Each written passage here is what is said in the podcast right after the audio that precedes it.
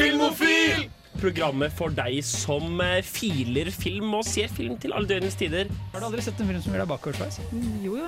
Troll 2. Den var overraskende helt OK. Mm, for mesterverk av en serie. nå er jeg så lei av Disney-filmer. Men det var så jævlig dårlig! Gremlin løp fri. Du hører på Filmofil på Radio Revolt. Hasta la vista, Ja. baby. Hei, hei, hei. Du hører på Filmofil. I dag er vi en ny konstellasjon og litt færre enn vi pleier å være i studio. For i dag så er det meg, August, som er programleder, og så har vi med oss Mox på teknikk. mm, Og vi har, litt høyere puls enn vi pleier å ha når vi kommer inn i studio, fordi eh, preproduksjonen var litt mer eh, dramatisk enn den pleier å være. Men jeg tror det blir en skikkelig bra sending. Ja, det tror jeg også. Vi skal snakke om Bechtel-testen i dag. Uh. først skal vi selvfølgelig snakke om hva vi har sett siden sist, men eh, ja. Jeg gleder meg veldig til den sendingen her. Det gjør Vi har mye, mye snacks til, til dere lyttere. Mye godis på Eh, lur. eh, før det så skal vi høre en låt. Dette er 'Kameleonen' av Michelle Ullestad. Mitt navn er Anne Gjelsvik. Jeg underviser i film, og nå hører du på Filmofil på Radio Revolt. Hihi. Hihi. Det er et, eh, et frampek til seinere i sendingen, Mhm. hvor vi har fått utfordret et intervju med en veldig dyktig filmformidler. Ja. Filmprofessor på NTNU. Ja, så vi bare vi, ja, teaser litt underveis, og så, og så kommer han der etter hvert. da. Eh, og jeg tror jeg skal begynne med å spørre meg sjøl hva har jeg sett siden sist. August, hva har du sett siden sist? Takk. Eh, jeg har sett um, Gareth Edwards. Han som regisserte Rogue One. Oh. Så du den? Den uh, Ja, jeg så deler av den. Ja, ikke så ikke Ja, han har en ny film nå som heter The Creator, som er en sånn original sci-fi-film Mm. om en framtid der uh, AI har på en måte blitt så avansert at, eh, og vi har hjulpet dem, men så hadde de fått skylden da for at de sprengte en atombombe i Los Angeles. Eh, så eh, menneskene er at war med, eh, med eh, AI. Ja. så, Så det er ikke så originalt. eh, har Litt sånn det det. samme det, eh, Mm. fil som uh, Ja, det Blade høres jo litt- Runner ja, sånn og Detroit Be- Det første der er veldig riktig, fordi eh, eh, har en, eh, De har liksom sitt siste stronghold har de et sted i Asia, da, fordi Ja. de er banna, disse AI-robotene. da men, men der er det en sånn siste sånn koloni, da. Mm. Og så er vår helt uh, spilt av uh, John David Washington, han som er med i Tenet, og, Ja, ja, ja. altså sønnen til Denzel. Mm. Uh, han er en sånn eh, militær eh, som er liksom undercover der og skal finne eh, den der eh, Det er vel et menneske som på en måte er eh, den forskeren da som er liksom best på AI, og jeg tror har skapt mye av de her, da. Ja. Eh, og Så, så, de er, det, det menneskeskapt AI. Ja, menneskeskapt AI. ja. Eh, og så er det en veldig kul film. Vi, vi følger han på en måte Han eh, gjennomgår et sånt traume, da. Mm. Eh, og så får han et oppdrag. Da kommer selvfølgelig noen militære sånn der 'Vi trenger deg allikevel.' Og han bare sånn Nei, jeg sa at jeg var ferdig med denne her. Eh, Som alle actionhelter, ja. helter, actionfilmer. Nei, for denne gangen er det personlig. Å ja, selvfølgelig. Ja, det, det er originalt. ja. Ehm, så det er veldig mye jeg likte igjen. Det, det er helt fantastisk produksjonsdesign, og du har den der meshen mellom uh, sci-fi, uh, store romskip og kule AI-roboter. Mm. Uh, og så er liksom lagt mye av det er lagt til Asia. sant? Ja. Både liksom urbane, liksom Hongkong-Singapore-aktige storbyer som er på en måte behind enemy lines i, i den her liksom AI-kolonien. Ja. Mm. og bare sånn nydelig sånn naturomgivelser, da. Eh, så det var veldig, veldig kult. Det var, det var et veldig godt grep. Og så prøver han seg eh, Den har markedsført seg som veldig sånn eh, filosofisk, og denne ja, hva, hva vil du si være menneske, og la, la, la, og kan I være menneske, eller er de, eller er, er de liksom farlige? Så skjønner man litt underveis at kanskje det ekte monster her er menneske. Ja, men eh, den jeg, jeg tror det er en syv av ti film for meg. Fordi alt det jeg sa, sant? det er veldig eh, kule, kule karakterer. Det er Mm. veldig bra produksjonsdesign. Og så heier jeg alltid på original sci-fi. Den galt på en måte ikke Marvel og det greiene der. Mm. Og så er det litt som en eh, på det idégrunnlaget så syns jeg ikke at det når helt opp til Blade Runner-nivå, da. Ja, det er Jeg syns de får faren, til det bedre, ja. ja. Og litt sånn uklar karakter. Motivasjon, det må man få litt trekk for. Og så er det veldig tydelig at han her har lagd Star Wars, fordi noen av de eh, ja, robotene er på en måte Har de lightsabers? Kunne veldig gjerne vært i Rogue One 2 eller noe sånt. Ja. Eh, men ja, jeg vil si den er verdt å se på kino, men på en måte ja, være en sånn forsiktig optimist, kanskje. Ja. Men AI, de er, det er snakk om uh, humanoide AI-roboter som Ja, og, men òg sånn der R2D2. tu, tu. Så okay. det er begge deler. Ja. De bruker det òg. Men de er veldig kule design. De, har sånn der, de ser ut som mennesker som har sånn der eh, Oi. Nå skal jeg ikke skal vekk fra eh, mikrofonen. Det er sånn et hull midt i ho hodeskallen, da. Og så ser du liksom tech-greien inni der. Så den er veldig kul. Ja. Eh, nå brukte jeg nesten all tid med å snakke om The Creator, da, men den er jo veldig aktuell på kino. Hadde premiere forrige fredag. Så det er en kinofilm. Det er en kinofilm. Ja. Uh, og så vil jeg si veldig raskt at jeg har sett uh, The Ratcatcher, som er en av de uh, Wes Anderson Roald Dahl-filmene som kom på Netflix nå. Ja, for er det, det er veldig få uh, eh, Roald Dahl. Ja, Veldig få Wes Anderson-filmer som ligger på eh, Netflix. ja, Men det er, liksom, det er veldig Det er sånn tre forskjellige kortfilmer. Fire, tror jeg. Ja. Fire, Eh, Og så har tre, kort, tre veldig korte, og én som er 40 minutter. Tror jeg det er en Bendy Cumberbatch. Bendik er med i flere av dem. Ja, ja, ja Rupert Friend òg var med den jeg så. Og de var det var mer lavbudsjett enn jeg trodde. Og så liksom, Det ble sluppet på Netflix uten noen sånn fanfare. Virkelig. Så den var artig ikke sånn der Wes Anderson sin Roald Dahl-antologi. Ja. Det var rart sånn uh, markedsføringsstrategi, for det var sånn plutselig er det der. Eh, det er selvfølgelig veldig Wes Aronson, sånn som alle Wes Aronson nå er. Ja, den, den beholder estetiske Ja, uh, estetikken til Wes. ja, og mer på en måte Litt sånn billig. Da, sånn, det er liksom uh, single location. Sant? Du har tre skuespillere. Selvfølgelig veldig kjente, dyktige skuespillere. Ralph Yen, Rupert Friend og Richard Ayoyade. Uh, jeg syns det var litt rar. Det er veldig sånn, det kunne nesten vært et sånn taterspill på 17 minutter. Ja. Eh, men jeg syns Ralph Jens spiller veldig bra. Han er the, den titulære rottefangeren, da. Og han er superrar. Så han, han begynner å slåss med en rotte, og på et tidspunkt kan han spise en rotte. Jeg, jeg vet ikke om det var en feberdrøm eller om det skjedde, men eh, eh, sjekk de ut. Yikes. Jeg har hørt at det var på en måte den svakeste av de eh, kortfilmene, da. Men da lover det kanskje Ja. Mm. godt, da. Eh, ja, jeg, jeg snakker meg vekk, jeg. Vi må, vi må til låt. Eh, nå skal vi høre 'Bloom' av Jo. Hei, jeg heter Petter Ness. Jeg er regissør for eh, filmen 'Ingenting å le av'. Hør på Radio Revolt og Filmofil. Hør på Filmofil. Det gjør du nå. nå. Mm. Eh, og hva har du sett siden sist, eh, Max? Jo, eh, det sa jeg litt under låta, at jeg fikk litt panikk. For at jeg, jeg har sett så mye, mm. men eh, jeg fikk noe jernteppe og klarte kun å huske på den ene filmen jeg har sett. Som jeg var sånn Det skal jeg ikke snakke om, jeg skal ikke si at jeg har sett den. Jeg skal ikke logge det inn på Letterboxd heller. Jeg har sett en film som heter Raw Force fra 1982. OK, Det er en eh. B-film til de grader. Uh, den er regissert av uh, Edward D. Murphy. Uh, og jeg kan sette stemninga for hvordan filmen foregår, da. Det er introshot med litt sånn natur i Hvor er de er hen, da? De skal til Warriors Island, som er um, en øy i eh, Filippinene, tror jeg. Selvfølgelig. Ja, Den er spilt inn i Filippinene, i hvert fall. Mm. Um, og du får et introshot av det, og så er det noen damer som blir geleida ut. Veldig lettkledde, altså i undertøyet. Uh, geleida ut av et, uh, et vannfly. Og de blir ført bort til noen munker. Og det er ikke noe Jeg tror ikke det er noe tekst, men det blir en sånn Regissøren sitt navn flasher på skjermen når det blir et eh, nærbilde av eh, brystene til en av disse damene. Oi, oi, oi. Ja. Eh, så Raw Force handler da om denne øya, Warriors Island, som er en øy eh, hvor det eh, bor munker, og det er kun dem som får lov til å være på øya her. Og dem får da eh, sine krefter, eller dem har ikke krefter, men dem, dem tilber en eller annen greie som gir Som gjør at de kan lage zombier.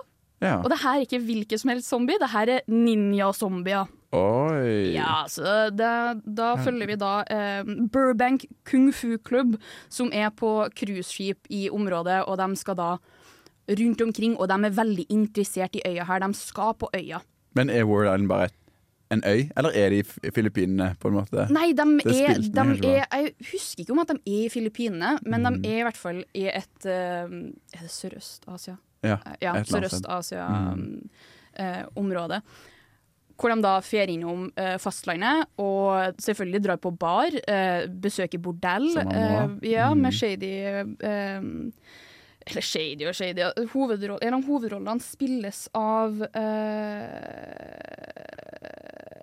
Er det Jeg ser på den listen, jeg har ikke hørt om noen av de skuespillerne. Det er i hvert fall en av de skuespillerne her. Jeg tror kanskje det er John Dreston. Mm. En av dem i hvert fall er en, av, en sånn kjent B-filmskuespiller Ja. som du kan se bare formen hans stagnerer fra film til film til film fordi han drikker så mye. Og det er tydelig Ja. at han òg har drukket under innspillinga, for det er en del scener hvor han sjangler. Uh, men det, det er så dårlig. Det er så dårlig dialog, og det er fremført så dårlig, og skuespillet er så forferdelig dårlig. å si. Den er så misogyni- misogynistisk. Men høydepunktet med filmen da, er når at de har kommet fra fastlandet, og eh, skipet har blitt angrepet, og de klarer å rømme til Warrior Island på en flåte. Eh, og de da blir angrepet av munkene og tatt til fange. Så eh, Er det slemme, de- det slemme munker? Det, det er slemme munker. Ja. De er ondskapsfulle munker. Og de eh, blir da tatt til fange, som sagt. Og så får de De får Sorry. De får eh, et måltid, og så hører de i bakgrunnen, i dårlig voiceover, at en av, bakgrunnen, en av statistene sier at 'Å, jeg tror jeg har fått diaré', eller et eller annet sånn. Og det er sånn Det bare setter stemninga for hvor dårlig filmen er. Men den er en sånn, jeg føler det er en sånn must watch hvis du har lyst til å se dårlig film. Ja, det høres ut som en gøy drikkelek-film, egentlig. Og skikkelig sånn klassisk uh, exploitation-stil. Ja, og så var det, det var én god eh, kampscene hvor det, var sånn, det så ut som de faktisk slåss på Ja. ekte. Og at det, de gjorde sikkert det. Det var sikkert veldig dårlig sånn arbeidsmiljøkontrakter. på- veldig, den består Ja. ikke Bechdel-testen, hvis jeg husker riktig. Nei. Virkelig ikke. Eh, men jeg har også sett Blue Beetle, Ja. som var bra. Den ble en afterthought eh, opp mot eh, Raw Force. Riktig. Eh, eh, veldig bra. Eh, vi må til, til låt, uh, Jens Erik. Eh, nå skal vi høre, høre 'Snertingu vid meg', vid mig, av GKR. Jeg heter Linn Skåber, og dere hører på Radio Revolt. Takk til Linn Skåber. Vi eh, prøver å ha ganske høy eh, kvinnelig representasjon på jinglene jinglen vår eh, i dag. Fordi ja, Siden vi ikke har det i studio. Ja. Eh, det er Ingrid faktisk som har latt oss i stikken. Ja. Og i, i likhet med sånn 90% av resten av Radio Volt, så er hun på 50 Cent i eh, Trondheim Spektrum. Riktig. Som er fair, I guess. Det er ikke Ja. hver dag eh, han kommer. Nei, det er sant, men filmofil eh, det er pretty damn important too. Ja, det er det. So if you're listening, 50 Cent Mm. um, Han gjør det. Ja. Ja, hello. Ja, jeg DM han på Instagram. det. Um, ja. Og Ingrid er med oss faktisk ikke bare i ånden, for vi har hatt intervju senere òg, der eh, Ingrid eh, er intervjuer. Mm. Uh, vi skal snakke om Bechtel-testen i dag. Riktig. Og det er sikkert en del som vet hva det er, eller har en idé om det, men uh, kan du forklare hva Bechdel-testen er til oss, Max? Ja, altså Det kommer til å bli forklart flere ganger i løpet av sendinga, men Mm. Bechdel-testen er da en eh, test for å se om at det er bra nok kvinnelig representasjon i film. Mm. Så det har, den har da i, trad, Tradisjonelt så har den tre eh, punkter som den skal følge. Det er det at det er med to, minst to eh, kvinnelige roller som snakker med hverandre. Eh, og de, ja, de snakker med hverandre om noe annet enn en mann. Så det er da de tre tingene. To damer de snakker med hverandre om noe annet enn menn. Mm. Så det er en veldig, en veldig lett test som man tenker skal Høres jo kjempelett ut. De aller, aller, aller fleste filmer må jo bestå av den testen her. Ja, men det Skulle man trodd. det. Det var det. Fordi det er jo Overraskende nok så er det ikke så fryktelig mange filmer som består denne testen, og det er jo et Mm. stort problem. Ja. Eh, som eh, vi kommer til å finne ut av i løpet av sendinga. Mm. Eh, fordi det er jo ikke bare et, en mangel på kvinnelige roller i, i film, men òg bak film. Og det, er tydelig, det kommer òg tydelig fram med hvordan, hvordan den kvinnelige representasjonen er i filmer. Mm. Um, Og det, det som er litt gøy med Bechdel-listen, er at det, det er liksom tilfeldig at det ble at, var- at det har fått så stor relevans, fordi det er vel en, en uh, tegneserie fra 1985. Mm, Dykes, så, ja, eh, Dykes to Watch Out For. Riktig. Uh, Av Alice Bechtel. Av Alice Bechtel, ja. Uh, den kom på trykk, og der forklarer en av karakterene forklarer vel at dette er mine tre kriterier for å Mm. velge ut filmer. For de skal ut og, Det er to karakterer, da. To Dykes som skal på kino. Jeg tror den ene faktisk er Alice. Mm. Og venninna hennes sier da at Og jeg vet ikke hvilken film jeg vil se, vil se uh, men jeg vet at jeg vil uh, se en god film. Og det her er kriteriene mine for å se film. Siste filmen jeg så på så som uh, Som gi, Eller ble Hva er det nå? Den Besto, besto testen. ja. Mm. Det var Alien. Og da yeah. var det to kvinnelige eh, roller som prata om monstre. Yeah. det er jo ja, det er bare gøy, syns jeg. At det, er sånn, det, er ikke, det høres ut som det er sånn, noen sånn akademikere som har kommet opp med en formel for å måle kvinnelig representasjon, men det er ikke det. Nope. Det er er- et tilfeldig ja. popkulturelt fenomen som har uh, blitt blussa opp. Og det er, sånn, det er en ting eh, Alice Bechtel har snakka om òg, det at det er litt slitsomt å kun være kjent for, Mm. for det. Fordi Mm. at når hun da blir intervjua og prater med folk, så er det alltid det det blir stilt spørsmål om. Ja. Og det her er jo en tegneserieskaper som har produsert masse, og Dykes eh, To Look Out For er jo en tegneserie. Mm. Serie. Ja. Så Ja, eller en stripeserie. Ja. Så ja. Så eh, det er iallfall det jeg baserer denne sendingen på. Og så skal vi snakke litt om kanskje finnes det bedre alternativer. Eh, og så skal vi òg eh, få på plass en gjest nå som har Inn i studio. Ja, inn i studio live, så skal fortelle litt om en oppgave hun lagde om akkurat dette. Så det tror jeg blir veldig gøy. Eh, nå skal vi først høre en låt som heter 'Try to Fly' av Tendai. Uh, My, my name is uh, Benoit Blanc, and you are having the absolute pleasure of listening to Film O Phil. Takk. Jeg ble veldig glad i eh, Benoit Blanc-jinglen allerede. Det En, en av våre nyeste. Jeg så Jeg kom på hva jeg har sett siden sist! Jeg har sett begge Knives Ja, Out-filmene. ok, så bra. Nå er det var sent. Du har ikke ja, snakket om det i denne sendingen. Uh, uh, nå har vi fått plass en gjest her, og det var faktisk litt av grunnen til at jeg kom på å ha en Bechtel-sending. var fordi eh, jeg har blitt fortalt om hvor investert du på et tidspunkt var i dette. Og Har du lyst til å begynne å introdusere deg sjøl? Ja, det kan jeg gjøre. Eh, jeg heter Anette. Jeg er først og fremst eh, venn av August, men jeg er også veldig interessert i Bechdel-testen. Mm. Så ja, nei, jeg bare Vår felles venn Victoria, som vel har vært på besøk her. Du har òg vært her og snakket om eh, Bergman, selvfølgelig. Ja, of Ah. course. vi hadde et sånn felles prosjekt på et tidspunkt hvor vi ville finne ut ehm, hvor godt er damer representert på IMDb topp 250? Mm. For det var på et tidspunkt så var det der vi fant filmene våre. Ja, same. Nå har heldigvis det, den tiden er over. Men det er nok veldig manges eh, første møte med det man tenker er god film. Jeg tror Og mye av det er sikkert god film òg. Mm. Ja. ja. ja. en del. Men vi la merke til at eh, når vi så på topp ti, da, de, for det er ofte der man starter, mm. så var det veldig mange mannsdominerte filmer. Ja. Mm. Mer enn det vi tenkte det var normalt at det var i resten av eh, filmverden. Ja, og man Så da- tenker vel òg at det er en del òg, på en måte, men Ja, mm, det er ganske ganske men det er det, gjør man egentlig det? For jeg egentlig, Ja, det er det som jeg forsøker med Bechdel-testen. er sånn, Jeg har ikke tenkt over som ung voksen før jeg så det, Mm. at det faktisk var så stor forskjell Mm. mellom representasjonen. Jeg bare husker at på et tidspunkt da jeg skjønte at IMDb Det var mange fæle folk der, var noe sånn der Det skulle komme en sånn kvinnelig eh, Ghostbusters, og sånn eh, Miss Marvel, så var det sånn den kvinnelige uh, Marvel-filmen. Sa du Miss Marvel? sånn, Marvel? Ja, de var sånn, ja det, men det var ikke Nei, det er ikke den heter. Captain Marvel? Captain Marvel, ja.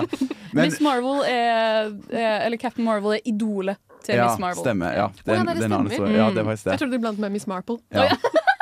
Ja, eh, Det hadde vært så mye verre. Det er faktisk bare to sendinger siden vi snakket om med Miss um,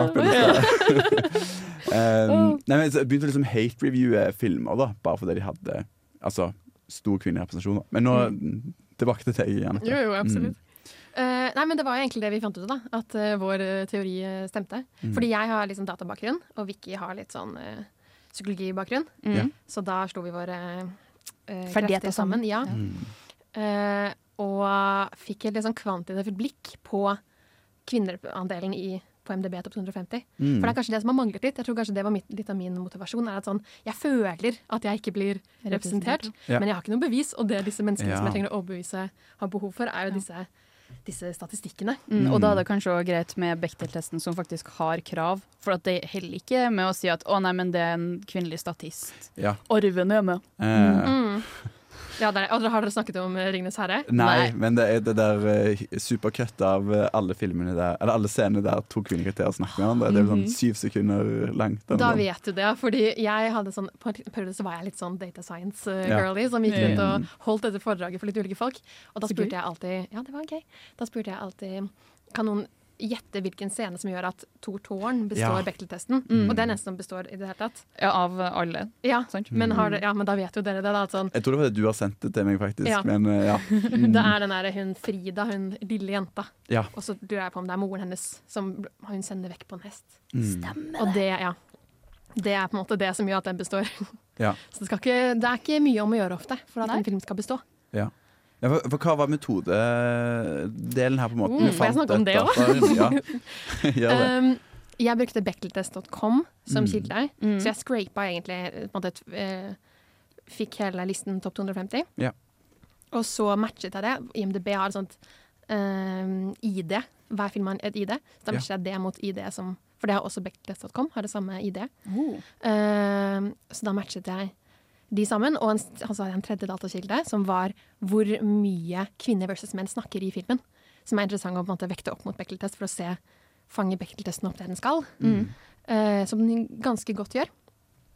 Uh, så da satte jeg igjen med data på da, Topp 250, hvordan de gjorde det både på uh, andelen menn som prater da, sammenlignet med kvinner, og Bechdel-score. Mm. Skal jeg, skal jeg fortelle? Ja. Eller skal vi, skal vi tease ta funn uh, etter låt? Ja. Kan vi si det? Ja. Vet du hva? Enig. Da Mm. sparer vi mer tid til det. Mm. Da skal vi først høre I'm In av Bo Millie. Hei, jeg heter Ine Jansen, og du hører på Radio Revolt. Det er riktig. Eh, du har på Radio Revolt og Filmofil. Eh, nå hørte vi 'Kisses' av Slowdive. Eh, vi har gjest med oss i studio Fortsatt? fortsatt. Yeah.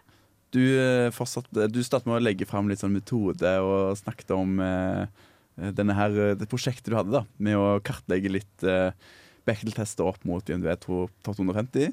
Kan jeg bare Ja. understreke, fordi det fortalte du, så fortalte du meg under låt, at det her er et eh, passion-prosjekt som ikke har noe med akademia å gjøre. Og Ja. det, det må vi virkelig understreke og fremheve og hylle, fordi that's cool as all hell. Veldig. Ja. Så vil jeg jo si at det er veldig bra at vi har med oss gløsing òg.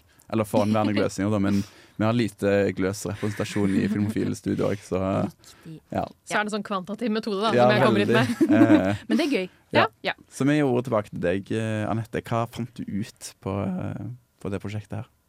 Det jeg fant ut, er at det står dårlig til med IMDb topp 250 på kvinnefronten. Mm.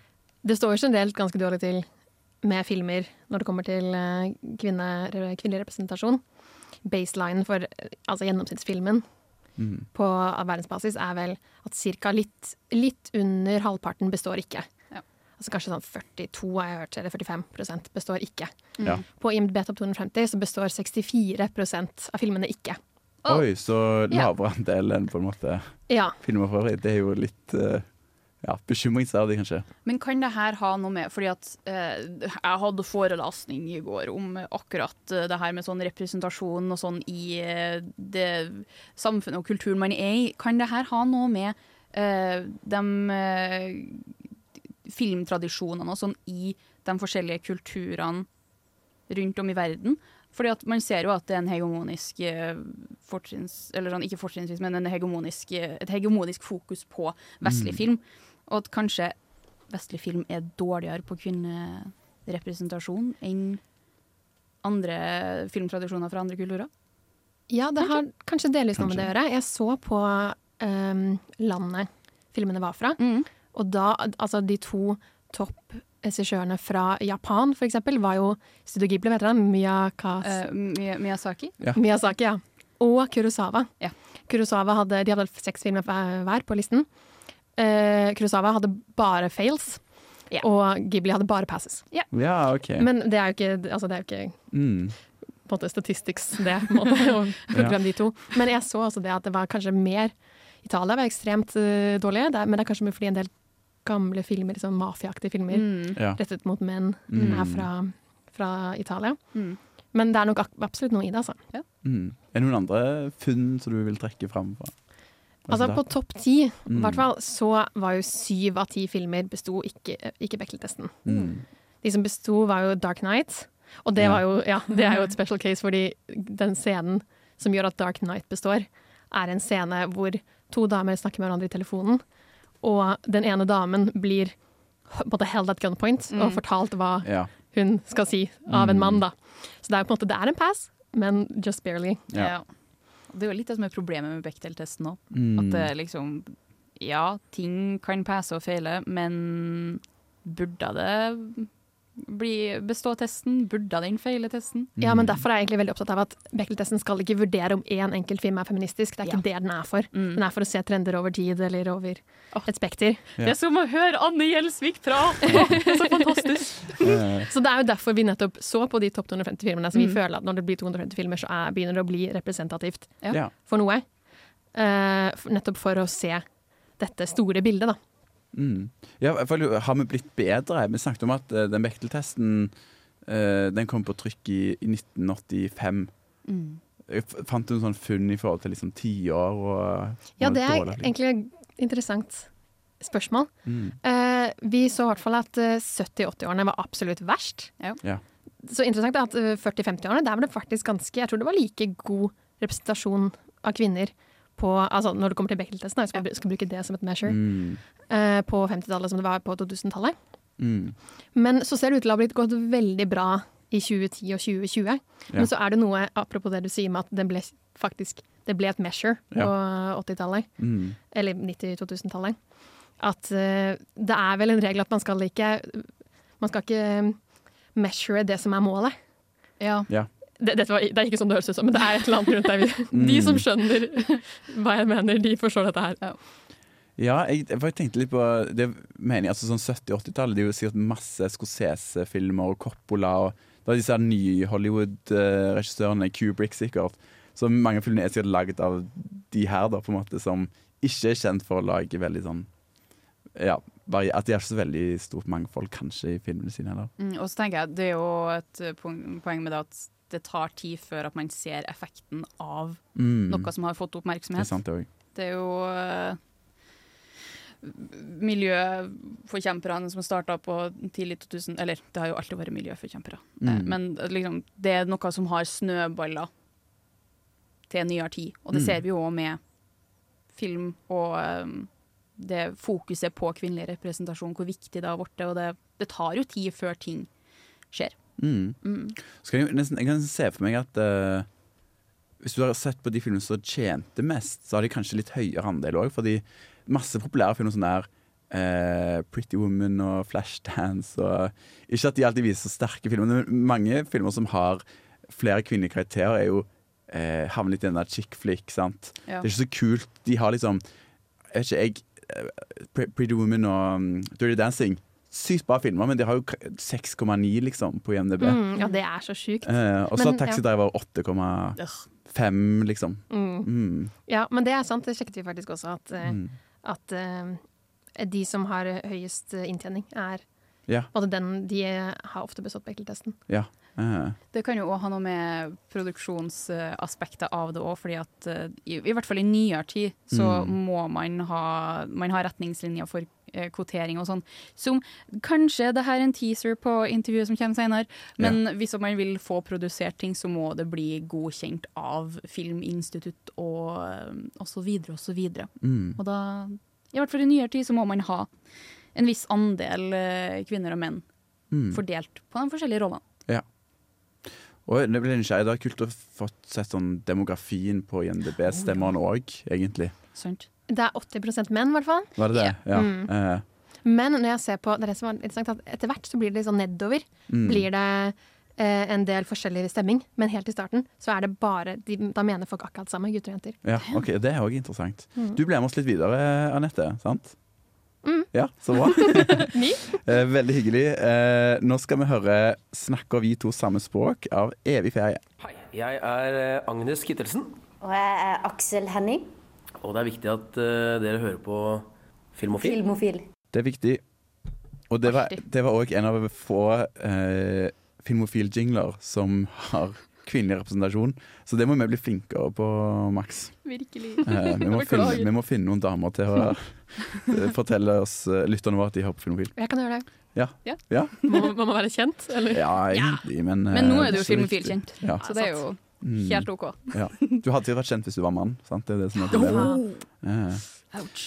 Um, ja, jeg har lyst til å snakke litt om noen filmer som består, og kanskje ikke består uh, Bechdel-testen, men burde gjort det. For du hadde et eksempel der, uh, Anette.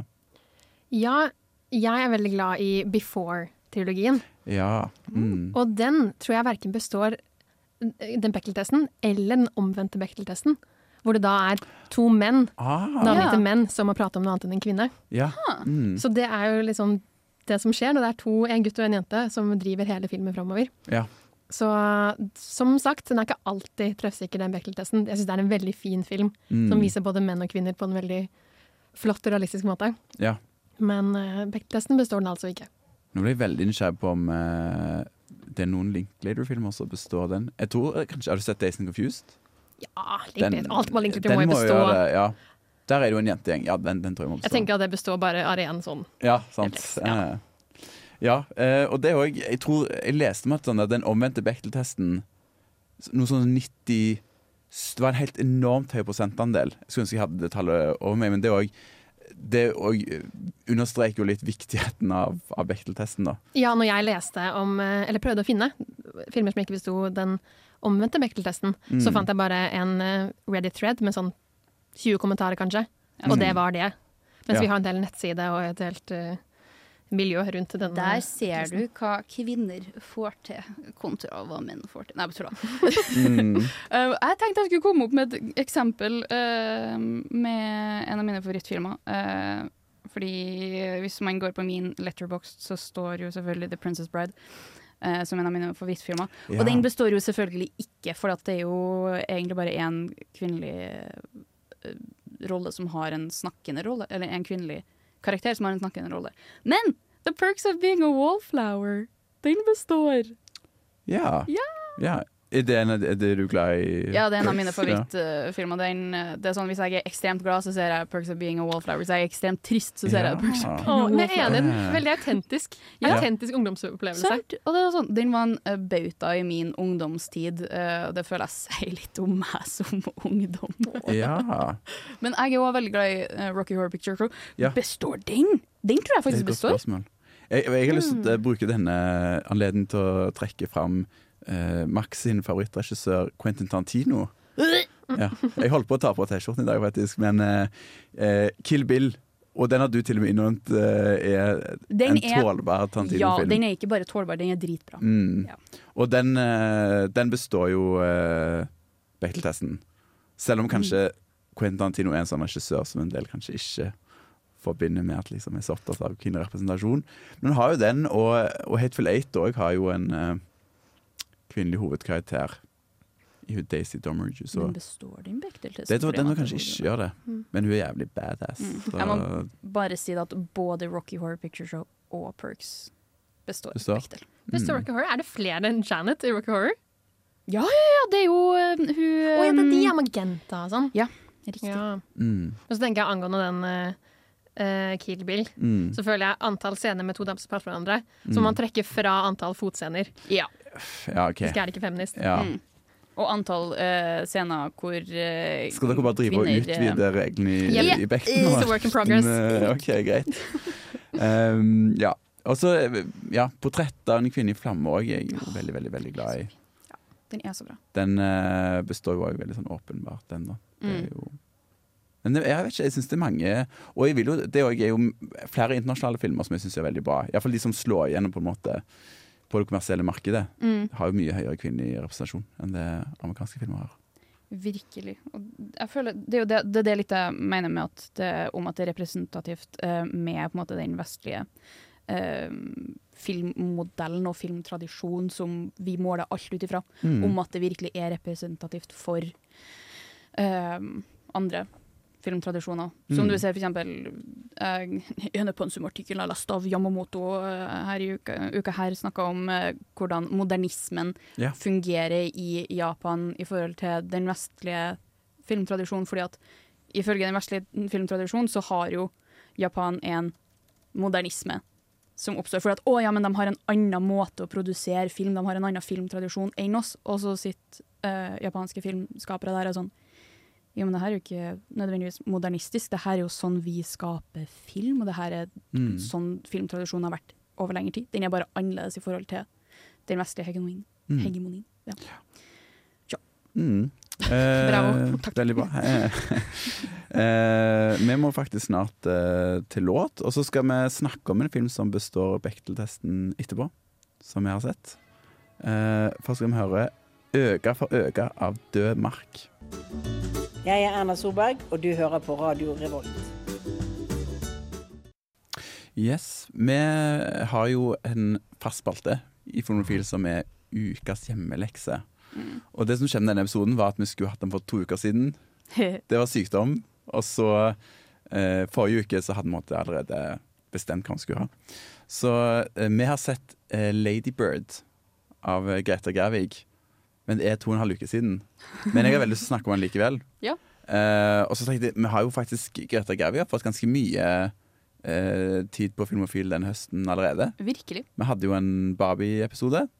Og da var vi egentlig litt kjapt innom filmografien òg. Mm. Eh, og eh, da sa vel jeg det at Lady Bird egentlig er min favorittfilm av Greta Gerwig. Er du, er du enig i det, Anette? Det var et veldig ledende spørsmål. Men, eh, ja, men jeg er det, altså. ja. Men nå, jeg kan kanskje bare tre. Er det bare alle underlaget? Det er bare de tre, ja. Det er Little Women, Ladybird og Barbie. Mm. Da er Ladybird min favoritt, ja. Mm. Og hun er jo kanskje altså Jeg vet ikke om det er noen regissør som er liksom mer i vinden akkurat nå. For Barbie ble jo den første filmen av en kvinnelig regissør som tjente mer enn én milliard dollar. Riktig. Så det har jo vært en enorm kommersiell suksess. Da, så jeg håper jo får lage masse masse bra filmer. Mm. Men jeg håper jo lager, går litt tilbake til litt Noah mer sånn intime filmer. Oh, Jeg snakker nå- nå sånn brøt jeg. ekte liv. Jeg tror ikke jeg har forlatt eh, Noah det- Eller har jeg gjort det? Nå bare merker jeg at jeg brøt en regel om én av Bechdel-testen. Sånn. Hun Ja. burde være mer som en mann. Ja, okay. eh. Nei, men eh, De lagde jo masse bra filmer sammen, Ja. som jeg koste meg skikkelig med. Og Barbie Hvor- har faktisk uh, Noah Baumbach òg. Ja, det er sant. Men eh, mm. Men den, eh, den, dere var vel litt inne på det på deres forrige episode, at den var, en, det var, den var fin, og den var litt flåd. Ja. Mm. Jeg syns i hvert fall den var litt sånn uh. Den straya veldig fra det jeg er vant til fra dem, og det er jo lov å finne nye løsninger og lage noe nytt, men det føltes ikke nytt heller. Mm. Det føltes nyere, det de pleide å gjøre. mm. Men eh, Ladybird syns jeg er egentlig veldig fin. Ja. Men hva er det Ladybird handler om?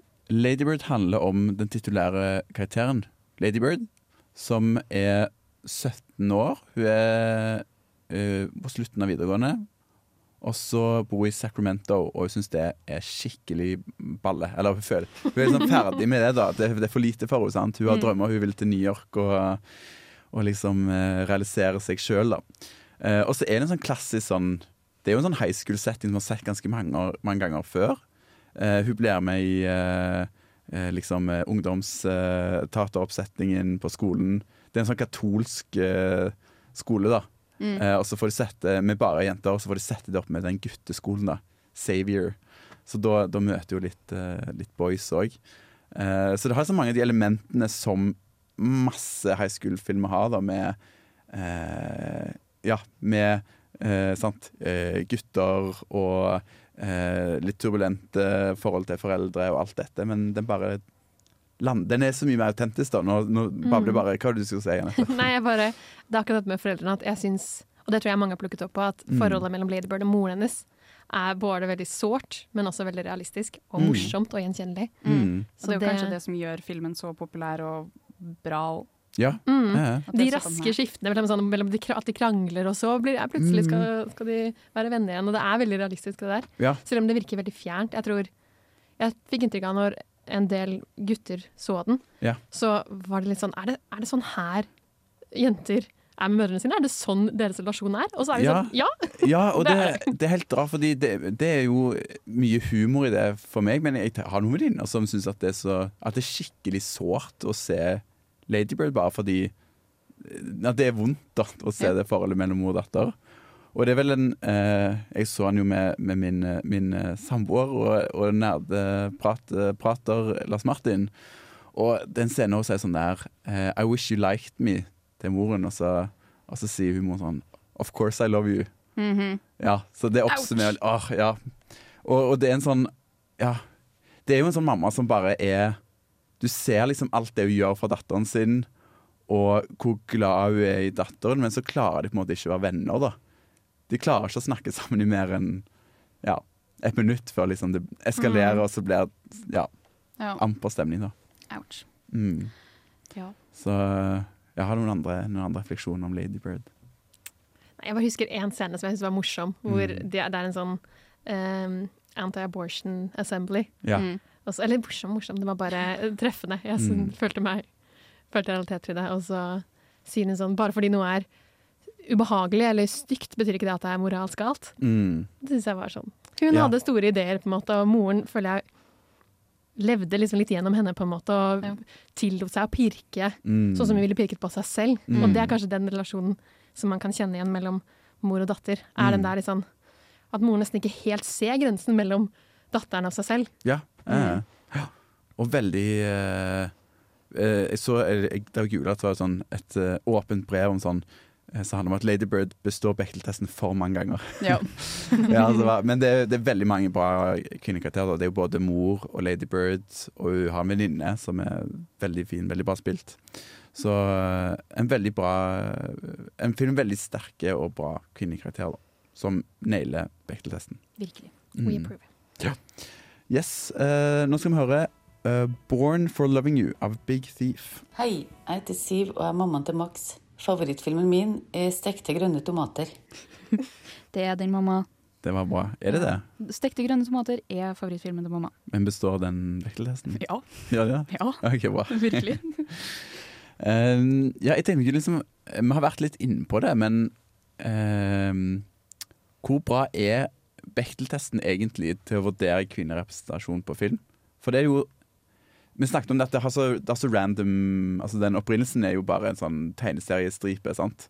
Det var jo noe så, det var ikke liksom gjennomtenkt av liksom eh, filmakademikere for sånn Hvordan kan vi best fange opp dette? Mm.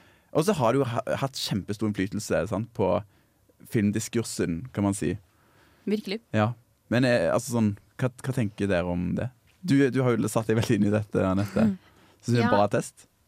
Jeg syns virkelig det, men som sagt da, så er jo ikke poenget å vurdere om akkurat den spesifikke filmen har bra kvinnelige karakterer. Man kan jo for eksempel si om Ringenes herre, da. Nå virker det som jeg digger Ringenes herre. Jeg gjør for så vidt det, men ikke så mye som jeg snakker om det nå.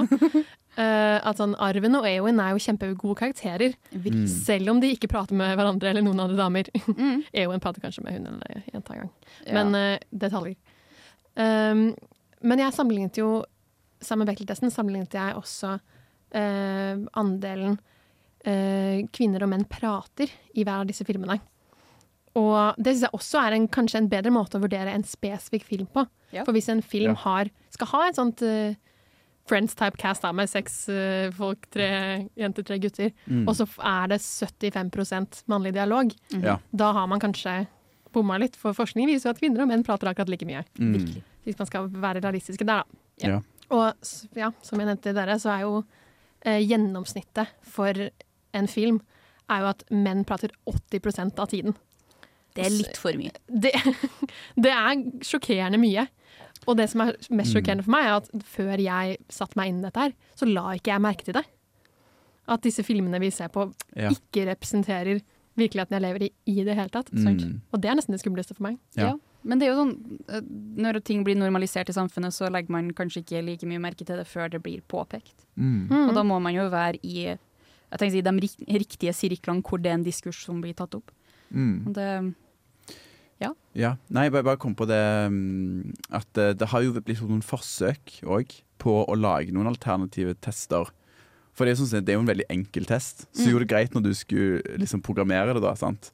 Eh, og liksom få data på det, men det er jo det er som en del eh, Noe av den kritikken handler om at eh, du kan ofte ha veldig sånn kvinnelige stereotyper i filmer. Så jeg har jo lagd noen eh, tester. Jeg kan, jeg kan liste opp noen av det. Det noe som heter The Duvernay-test. Uh, den handler om at uh, man skal ha uh, afroamerikanske karakterer, Mhm. eller fra en annen minoritet, som må ha eh, altså fullrealiserte liv, da. Sant? Så du kan ikke ha liksom den der Nå tenker jeg på Showgirls, den vet jeg at du har sett. Med, eh, så har en liksom ja, minoritetskarakter, men de har liksom alle klisjeene bare Mm. til en De er bestevennen. Ja, sant. Og bare sånn super sånn moralsk støtte til den andre. The gay best friend. Ja, sant, ja. Eh, eh, så da er det jo Man kan liksom bestå testen på sånne teknikaliteter ofte, da, sånn som vi Mm. har vært inne på òg. Eh, samme en som heter uh, The Villareal-test, uh, som òg handler om det der at eh, eh, skal De karakterene skal liksom falle utenfor sånn stereotyper, da. Eh, Mm. Og de skal liksom ikke være eh, seksualiserte eller kalde, eh, eller være liksom presentert som matriark, da. Så de tar liksom disse her testene har prøvd liksom, å ta tak i noen av de der klisjeene man Mm. har for kvinnelige karakterer. Da. Mm. Men det som gjør det, de testene høres jo veldig spennende ut, Mm. men da blir det fort veldig vanskelig å definere. Ja. Hva er stereotypen? Jeg kan tenke meg at f.eks. lovlig blond kan Ja. havne i litt vanskelig clinch Ja, der. mm. Hvis man skulle tenkt på for da, kvinnelig representasjon. Mm. Da. Mm. At sånn, hun er jævlig kul, og hun, er, eh, hun gjør veldig mange ting man ikke forventer at hun skal gjøre. Og er en Mm. hel karakter, Men hun er jo også ganske stereotypisk blond. Ja, det er det. Så det blir litt den diskursen med å kan en feminist være um, superrosa og liksom være stereotypisk Ja. feminin. Da. Ikke sant? Mm. Eh. Det som de 70-tallsfeministene virkelig um, Mm. Og hvis, en, hvis en, den testen blir mer som en vurdering, Mm. så tror jeg ikke vi får den samme, det samme holdet i samfunnet. er. For da er det mer Ja. sånn subjektivt sånn, å, ja, du føler at den ikke er en god Ja. kvinnelig representasjon, Mm. eller eh, Mm. etnisitet, eller hva den skal være. Men det skal sies, da. Det er menn, og altså ikke bare menn. Det er folk ut der som eh, mener at eh, Som har samme mening om Bechdel-testen, og at den på en måte Ja, men hallo, de prater jo. Ja. bla, bla, bla. Det er to kvinner de ser på hverandre, er ikke det nok, liksom? Mm. Uh, så det er jo litt sånn der er standardene i samfunnet er jo, men definitivt, jeg er enig, enig med det du sier. Det tror jeg de samme mennene som er sånn uh, På kvinnedagen er sånn der uh, Ja, men hvordan hvor snakker man om mannedagen? Ja. Det er litt sånn type folk, sikkert. Hva med, hva med straight pride? Mm. Mm. Vi skal ha Anders Schwarzenegger-sending på, på mandagen. Så gøy. Um, Han ja. fortjener en egen sending. Ja, han gjør faktisk det. Ja. Du hadde, hadde, du prøvd å DM Arnold Schwarzenegger, eller? Jeg, har jeg, bare sagt jeg, har, jeg har sendt mail til Arne Schwarzenegger for å spørre om Hei, kan du lage jingle til oss i Filmofil? og så glemte jeg å sjekke om at jeg hadde uh, nok plass på gmailen min. Det hadde jeg ikke. Ja, Så vi kommer aldri til å få vite om eh, Arnie har sendt oss uh, jingle. Mm. Men eh, ja, vi får håpe. Schrødingers eh, Arnold Schwarzenegger-jingle her. Eh. Veldig bra. Vi skal, vi skal bli quiza litt uh, av deg, Max, eh, etter at vi har hørt uh, 'Buffalo Replaced' av Mitski. Hallo, jeg heter Emma Steinbakken, og du hører på Radio Revolt. Jeg glemmer alltid av den. Du-du-du-du-du. Ja. Nå har du lovt å quize oss litt på, på Bechdel. Helt korrekt. Eh, fordi det er jo mange filmer som eh, både eh, PC og ikke PC eller består eh, Bechdel-testen. Em, og noe som jeg har sett gjennom, så er det faktisk overraskende mange som har bestått. Eh, fordi jeg har tenkt at å, det er så mange som ikke består. Men vi kan starte. Mm. Da skal dere eh, gjette hvilken av de her tre som består Bechdel-testen. Kjør. Da er det Bullet Train, Mhm. Sonic the Hedgehog 2 Ja. og Fantastic Beasts uh, The Secrets of uh, Grindelwald, den siste, nyeste. ja. Men er det, er det lure sånn at det kan være alle tre, eller er det én av disse som Det vet du ikke. OK. Jeg, jeg sliter veldig med å se for meg at Bullet Train består uh, Bechdel-testen, så jeg tror ikke den. Har, men det er mange kvinnelige karakterer i den òg. Er det det? Mhm. Sonic har jeg ikke sett. Det er jo kjempedårlig. Ja, det er dårlig. Men eh, eh, altså har eh, Sonic på en måte et eh, skjønn Sonic er en uh, hatt Ja, det er en ja. Jeg vet at Eggman er med og Sonic, Ja. og sikkert Knuckles. Ja. Um, Det kan bare mennene. ja, ja, fader. Fantastic Den- Beasts burde jo definitivt bestå, da. Jeg føler fort at den ikke består. Jeg føler at det er sånn Ja. failed Ja. attempt på alt. Må du ha et svar? Ja. OK, jeg sier at eh, Bullet Train og Fantastic Beasts består. Vent, da, Var det én som ikke skulle bestå? En skal ikke bestå. Nei, begge, to skal ikke bestå. To oh, ja, skal ikke bestå. skal ikke Ja, bare én en skal skal bestå. bestå. En skal Fantastic bestå. Beasts, da. Da, da tror jeg Sonic består. Ett poeng til Anette. Yes! altså. Ja, det var det var luresvaret. Ja, ja, ja. Så neste. Nope, Morbius og Pet Cemetery. Oh. Hmm. Altså Pet oh, Cemetery shit. fra Ja. den uh, klassikeren. Uh, Pet Ja. Cemetery. Ikke sett noen av dem? Har du sett Nope? Nei. Hæ? Men jeg vet hva den handler om. Shit. Um, ja, det er jo ikke så mye kvinnelige karakterer i Nope, da. Jeg, jeg tipper Jeg tipper at Pet Cemetery består. OK. Da tipper ja, Hva var den i midten? Det er Morbius. Mm, oh, Den består sikkert også. Da tenker jeg Nope ikke består. Ja, det er én som skal bestå. Å ja, da tenker jeg Nope består. Nope består ikke. Ja. Men Pet, Pet Cemetery består. Ja! Åh, 1-1. Okay. Da er det Yes. noe spenning. Så August, den her burde du virkelig eh, briljere på. Apokalypse nå, Ja. Blade Runner og Ja. Dazed and Confused. Oh, ja, altså, vi snakket om det. Days and Confused må jo eh, bestå. Det er jo masse kvinnelige karakterer som snakker på do, men kanskje vi bare snakker om gutter. Det ble jeg litt usikker på. Åh, det tre av Ja, har du gått på min toppliste på Letterboxd? Jeg gjorde det. Jeg gjorde det. Er det bare én som består av de? Det er bare én som består. Å, fy fader, jeg suger jo. Men jeg sier, jeg sier Apokalypse nå gjør det ikke. Jeg tror heller ikke bedre enn å gjøre det, så jeg må si Days and Confused. Jeg tror egentlig også at Days and Confused. Ja. Men jeg sier Apokalypse nå. Dere har lov til å si det samme. ja. Men det er, er, det bare, er det den siste? Nei, det er noen må to til. vinne. Det er Ok, da, til. da sier jeg også Mm. Dazed and Confused. Det er riktig. OK. Jeg tror det siste vi får tid til, men Sound of Metal, Ja. Spiderman, Far From Home Mm. og Terminator, Dark Fate. Nei, det var Av alle Terminator-filmene skulle du fått Dark Fate. Ok, Jeg har ikke sett noen av dem, men det var en som ikke skulle bestå. var det ikke det? En som består. Faen! Kan du si de to første igjen? Sound of Metal, Spiderman, Ja. Far From Home. Altså, Sound of Metal kan jo ikke bestå. Den har vel ikke noe Ja. Er det noen som snakker i den? Eh, ja, faktisk. Han Han ja. har litt i begynnelsen òg, og det er mest han hovedkarakteren som ikke okay. Det handler om en sånn trommis som mister hørselen. Mm. Mm. den. Det er kvinnelige film, roller i nå. Det er det, men snakker de med hverandre? Det er jeg usikker på. You tell me. Oh, jeg, jeg, jeg sier Dark Fate, jeg. Jeg sier Terminator Dark Fate. Jeg sier Sound Metal. August er vinneren. Ja! Terminator, Dark Fate er den eneste som består. Og den som vinner, får lov til å bli i studio. Fair enough. Uh, du må gå. Da går jeg ut i skam. Ja. Men Takk for at du tusen takk for at du kom. Det var veldig Hvordan gøy. var det å Det var hyggelig. gjeste? Ja, Ja, virkelig. Det var gøy. Mm. Det var det vi, det var det vi rakk nå. Eh, Mamma? Ja, vennen. Pappa? Ja? Jeg har akkurat uh, sett Pulp Fiction på rommet mitt og funnet ut at jeg er filmofil. Nei! Du hører på Filmofil. Det gjør du, og vi skal nå høre intervju som jeg og Ingrid har hatt med Anne Gjelsvik. Men før det så eh, sier vi ha det til Anette. Eh, jeg tror vi sa ha det i stad, litt usikker på om du ble med. Det har ikke noe å si, men det har vært koselig å ha deg i studio, eh, og du vant. Du vant testen. Uh, nei. Vinneren, vinneren får æren av å eh, forlate programmet tidligere. Okay. Eh, så takk for besøket. Takk. Ha det bra! Ha det bra, Anette. Nå skal vi høre intervju del én. Mitt navn er Anne Gjelsvik, og jeg er professor i filmvitenskap på det som heter Institutt for kunst- og medievitenskap. Hvor jeg underviser ulike emner eh, innenfor filmfeltet, særlig filmanalyse. Jeg har bl.a. undervist et emne som heter Filmen i samfunnet, som jo er relevant for den tematikken som vi skal snakke om i dag.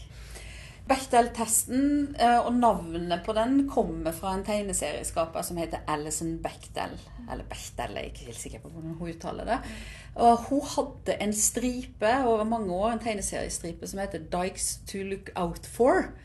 Og i den så har hun et eksempel hvor det er to venninner som diskuterer hvorvidt de skal se film eller gå på kino. Og hvor den venninnen til eh, Alison Bechtel da sier det at hun har noen kriterier for at hun skal være interessert i å se en film. Og det er at filmen skal ha eh, minst to kvinnelige karakterer. De to kvinnene skal snakke med hverandre, og de skal snakke om noe annet enn menn. Og den her har blitt brukt av ganske mange som har vært opptatt av kjønnsrepresentasjon på film. Fordi den gir et sånn, egentlig godt sånn telleredskap. Så det var jo ikke ment som en test. eh, Men den er blitt brukt som en test hvor man har sett på filmer for å se om disse tre kriteriene er, er til stede. Og så er det mange som har lagt til at disse kvinnene bør ha også et navn. Så for å liksom skru opp nivået, at det skal være kvinnelige karakterer og ikke bare bipersoner. Det høres jo ikke ut som veldig harde bud. Nei, men så finnes det ganske mange som har brukt testene, og sånn midt på 2010-tallet så var det flere tester som viste at ca. halvparten av Hollywood-filmene f.eks. ikke nådde opp. Eh, og testen har også blitt gjort på norske filmer, så man kan ha sett at de ikke har nådd opp det som jeg er enig med dere vil si, jeg vil si en ganske lav list å komme over. Men så viser det seg at eh, i praksis så er det ganske vanskelig. Da. Og da blir det med spørsmålet mer reduktivt og liksom det. Ja. Om det er noen svakheter med testen? da? Altså jeg tenker jo at testen er kjempegod til å illustrere et problem. Altså Kvinner blir framstilt annerledes enn menn på film, og har historisk gjort det. Eh, og noe av det som slår ut, er at det ofte så er kvinnene der i kraft av at de har en relasjon til en mann. Altså kone eller kjæreste eller et eller annet i den retning. Så det å bruke testen viser det på et stort materiale. Og så tenker jeg at testen har noen problemer hvis man bruker det litt mekanisk. Og jeg tenker at den er best å bruke på masse filmer. Som man kan si alle Oscar-nominasjonene dette året, hvordan gikk det? Alle de mestselgende filmene fra Hollywood, hvordan ser det ut? Da får man noen tall som viser noen tendenser. Problemet som kan gjøre at den kan virke litt reduserende, er hvis man bruker den på hver og en film. For det finnes mange eksempler på filmer som f.eks. har tøffe og spennende og interessante kvinnekarakterer, men hvor de ikke snakker med så mange. Og jeg har gjerne brukt et eksempel med 'Gravity', med Sandra Bullock, som jeg syns er et sånt interessant eksempel på en kvinne som er alene i outer space store deler av filmen. Hun må takle veldig vanskelige situasjoner. Men hun snakker nesten ikke med noen. Og den eneste hun snakker med, er den karakteren som George Clooney spiller. Så den filmen vil det falle utenfor. Og så har jeg noen eksempler på at i Sverige så var det en kino som het for Rio. De brukte denne testen til noe de kalte for et sertifikat. Så for at en film skulle vises på deres kino, så måtte den passere Bechdel-testen. Så de ville f.eks. ikke vist Gravity. Eller mange andre filmer som, som kanskje f.eks. har få roller. da. Altså Det er et feministisk mål. De som Ja. gjør testen, gjør en feministisk målsetning med å gjøre det. Ja. Og jeg tenker at den har hatt en kjempeviktig verdi, fordi den har synliggjort det. Også navnet, og at man kan henvise til den, så blir det snakka om det. For hvis man bare hadde vært mindre konkret og så sagt ja, men det er færre kvinner som har den og den type roller, så, så derfor så tenker jeg at telling er viktig. Eh, Så jeg opplever det jo som en feministisk greie. Men jeg tenker jo også at man må gå bakom tallene, da. Altså, det tror jeg er det med all type forskning. Tall viser noe, og så må man gå dypere inn i det og, og diskutere altså litt mer i detalj. Hva er det denne kvinnekarakteren Hvordan er denne kvinnekarakteren egentlig? Det var Reset Button uh, av Hailey Blaze. Uh, nå skal vi få høre del to av tre av intervjuet med Anne Gjelsvik. Det gjøres jo mye forskning på dette. Uh, og det er særlig amerikanerne både så sterke og flinke på dette. Så det er mange andre måter å gjøre, mange andre ting som gjøres. Og en av de testene som jeg syns er interessant, det er forskning som går inn og ser på hvilke jobber menn og kvinner har på Mm. film. Og det viser jo noen andre ting som også kan være illustrerende og interessant. Og noe av det som de har funnet da, er at f.eks. mannlige karakterer har ofte et yrke. Og det er mange ganger kvinnelige karakterer ikke engang har et yrke. Altså Det er ikke noe poeng hva de er. Så eh, Tom Cruise er jagerpilot, og det er liksom i kraft av jobben i Top Gun-filmen f.eks. At han er der. Mens kvinnen er til stede i filmuniverset kanskje pga. noe annet Mm. enn yrket. Og der har man sett også at det, det er mye større forskjeller innenfor europeisk film enn man skulle tro. Og det finnes mange andre måter å undersøke dette på, men, men det er noe med navnet og liksom med den Bechdel-testen som gjør at den har blitt liksom et sånt eksempel som mange tyr til. da. Er det enkelte land som er flinkere på kjønnsinklusivitet og Ja, altså, og det her er det jo kjempestore forskjeller på hvordan film blir laga. Ja, og hvilken sjanger sikkert òg. Det også. Mm. Men som i Norden så er jo mesteparten av filmene som kommer på kino, i hvert fall Ikke mesteparten av filmene som lages, men de som kommer på kino, de har offentlige penger. Ikke sant? Så du har det norske filminstituttet, det svenske og det danske. Og det svenske de har satsa veldig på det. Så de har sagt at kjønnsrepresentasjon foran og bak kamera er et viktig kriterium for å få penger. Så hvis ikke du har en kvinnelig manusforfatter, kvinnelig regissør eller kvinnelig produsent, så er det mye vanskeligere å få penger til filmen din. Så du må i hvert fall ha en av de rollene. Og det man også ser, er at det har en betydning. Hvis det er kvinner som skriver et manus, er det mye større sjanse for at den passerer Bechdel-testen. sant? Eh, Så svenskene har vært langt foran på det. Og Norsk Filminstitutt har også en politikk på dette. Som de vil se etter nå, telle. Både hvordan kvinnerepresentasjonen er foran kamera, og hvordan den er bak kamera. Og da vil det være sånn at hvis, eh, hvis en mann har skrevet ja, F.eks.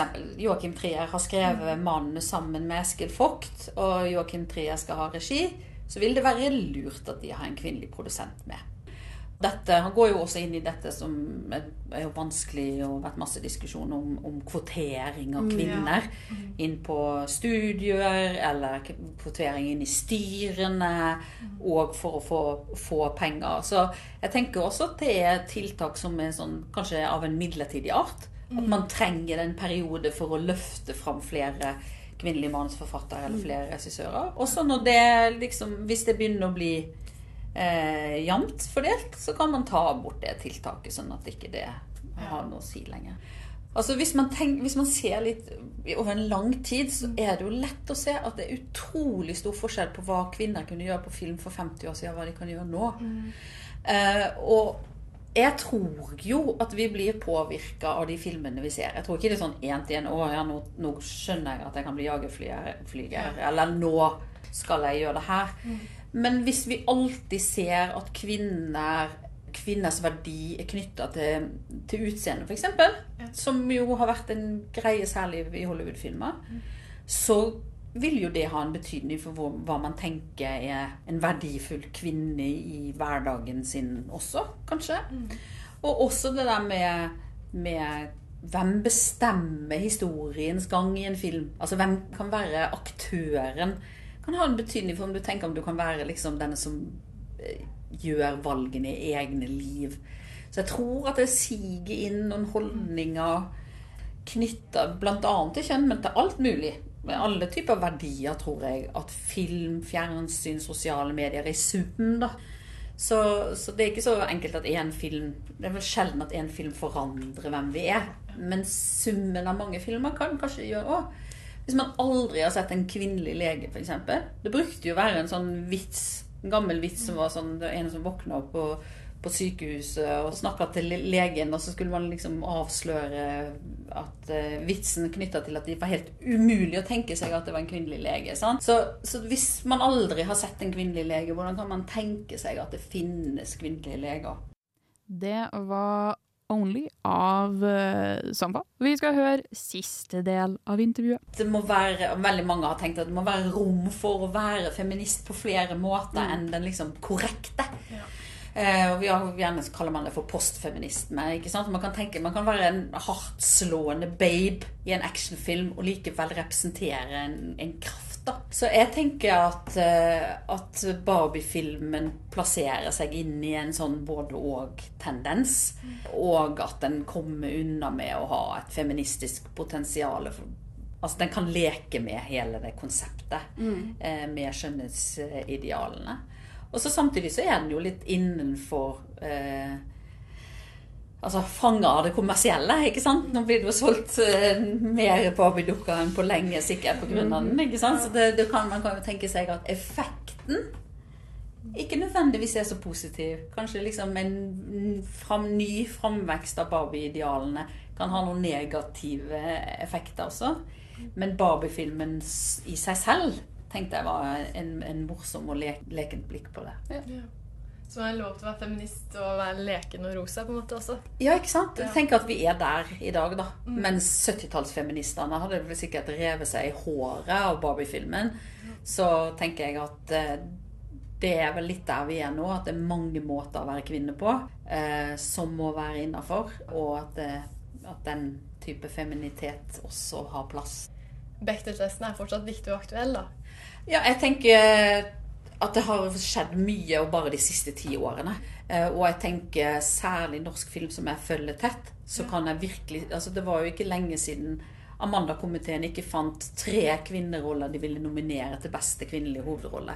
Så det, det vil ikke skje nå. Altså, det er en helt, helt annen status på kvinnerolle og kvinnelige filmskapere i Norge. Så jeg tenker den har hatt en misjon. Jeg tenker at Bechdel-testen kanskje ikke er så viktig lenger. Den hadde en viktig funksjon. Men vi må nok holde et øye med på kjønnsrepresentasjonen ennå. Det har jo blitt veldig stort fokus på diversitet av etnisitet og større kjønnsmangfold enn bare det bin- binære og legninger og sånn. Hva tror du er neste Bechdel-testen? Ja, Kjem, kjemperelevant, kjemperelevant spørsmål. Og det er jo nettopp en sånn binær forestilling, liksom kvinne-mann, eh, som det er snakk om, som, som i seg selv er jo begrensende, ikke sant? Um, så jeg tror kanskje ikke en, en sånn telletest Jeg kan ikke se den uh, liksom det Plutselig så er den der. Ja. Men at diskusjonen vil gå på en mye bredere snakk om mangfold, det er helt sikkert. Eh, og jeg tror at i norsk sammenheng så vil akkurat etnisitet men også seksualitet vil være to sånne stikkord hvor man vil følge med på det ganske nøye nå. Eh, og vi har jo hatt den forrige gangen det ble gjort en mangfoldsundersøkelse på norsk film, så kom man jo opp med det funnet at det var én skeiv hovedkarakter i norsk film, og det var Thelma i, i Joakim Trias Thelma fra 2017. Så eh, der er det jo et stort eh, hull. Men også vet jeg f.eks. at Dag Johan Haugerud kommer med tre filmer neste år hvor eh, skeiv seksualitet er et hovedtema. Og det er på tide, tenker jeg. Men også at de som følger med og som, som gjør undersøkelser, blir mer oppmerksom på flere former for mangfold. Kan jeg til slutt eh, spørre, har du noen filmer du har lyst til å anbefale, som da selvfølgelig består Bechdel-testen, da? Ok, Hvis jeg skal få lov å velge noen filmer Jeg har jo selv eh, sittet og jobbet ganske mye med Joakim Trier sine filmer i det siste. Og jeg tenker jo i den diskusjonen som vi har nå, så er jo 'Verdens verste menneske' en film som jeg syns er kjempeinteressant å diskutere. Jeg syns det, er en veldig god film. Og jeg har vært forsvarer av kvinnerollen i den filmen, som er skrevet av to menn og regissert av en, menn, av en mann. Og den er jo nettopp en sånn film som som feminister har vært uenige om. Mm. Eh, hvor nettopp er dette en troverdig kvinne har vært tematisert. Og hvor jeg syns at det er interessant å se på Julie-karakteren mer som en karakter som både kunne være kvinne og mann. For meg er det ikke så viktig at det eh, nødvendigvis er en kvinne. Jeg tenker at hun står i noen ting i livet sitt som er eh, interessante uansett om hun er kvinne eller mann. da. Ja, Så primært menneske og så kjønn, på en måte. Radio Revolt. Da var vi med veis ende på kveldens eh, episode. Det var vi. Takk til både Anette og Anni Gjelsvik, som er professor ved eh, Filmvitenskapelig institutt Ja. på NTNU. Du er kul. Takk for at du hadde lyst til å ta en prat med oss. Vi setter pris på det. Kjempeflink eh, filmformidler. Jeg har lyst til å ta et fag Mhm. på filmvitenskapen. Ta filmen i samfunnet. Hun er en kjempeflink professor. Mm. Jeg, har- jeg syns det var kjempefin sending å ha. Det er masse Ja. Mhm. Det er veldig ja, kult tema å, å prate om.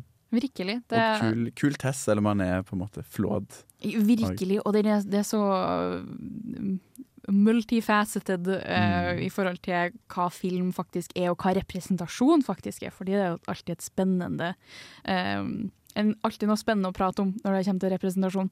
Mm, det er det. Virkelig. Og det at en eh, tegneseriestripe fra 80-tallet skal være med på å prege populærkulturen på den måten den har gjort, Mm. det er kult. Vi eh, pleier jo å tise temaet. Det folk ikke vite helt ennå. Det vi vet, er at eh, Ramaskrik kommer snart, så vi skal i hvert fall dele noen eh, av de filmene ser mest fram til der. Da. -hmm. For der skal meg og Max om to uker. Riktig, de har delt Det program, og det gleder vi oss til. Mm. Yes. Yes. OK, da, da gjenstår det bare å si uh, ha det. Ha det bra! Takk for at du hørte på. Vi snakkes. Vi snakkes.